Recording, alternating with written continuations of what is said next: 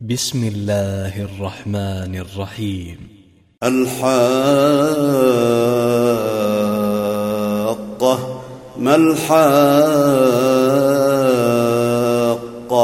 وما أدراك ما الحاقة؟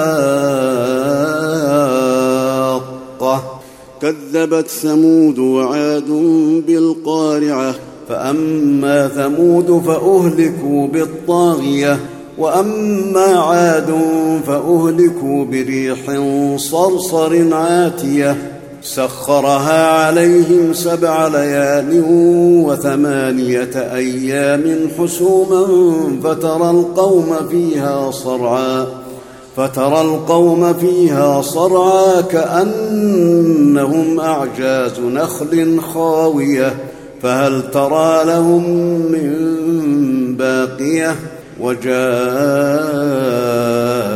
فرعون ومن قبله والمؤتفكات بالخاطئة.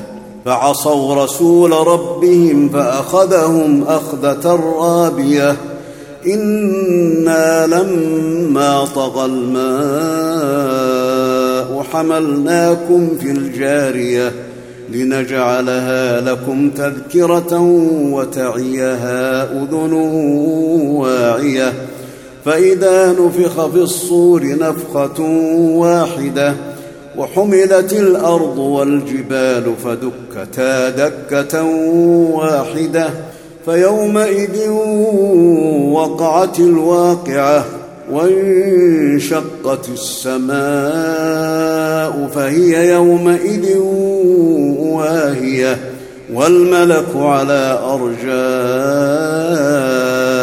ويحمل عرش ربك فوقهم يومئذ ثمانية يومئذ تعرضون لا تخفى منكم خافية فأما من أوتي كتابه بيمينه فيقول هاؤم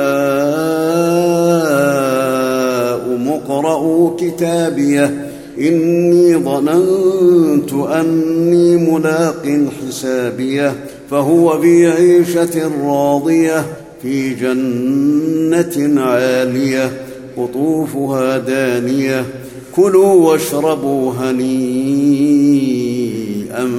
بما أسلفتم في الأيام الخالية.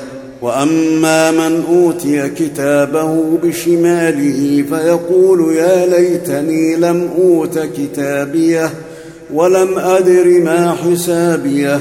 يا ليتها كانت القاضية ما أغنى عني ماليه. هلك عني سلطانيه.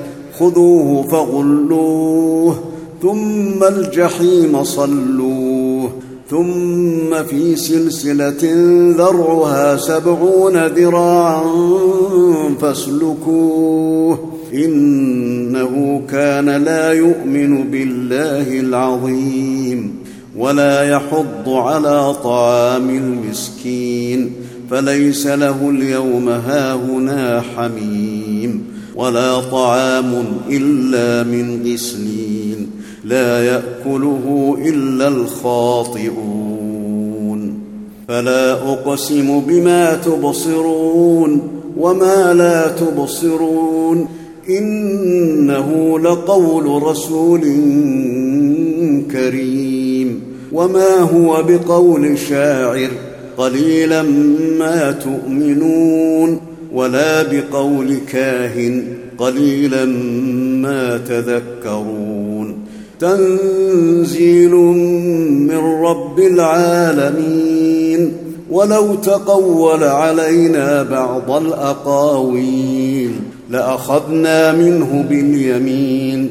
ثم لقطعنا منه الوتين فما منكم من أحد عنه حاجزين وإنه لتذكرة للمتقين وإنا لنعلم أن منكم مكذبين وإنه لحسرة على الكافرين وإنه لحق اليقين فسبح باسم ربك العظيم.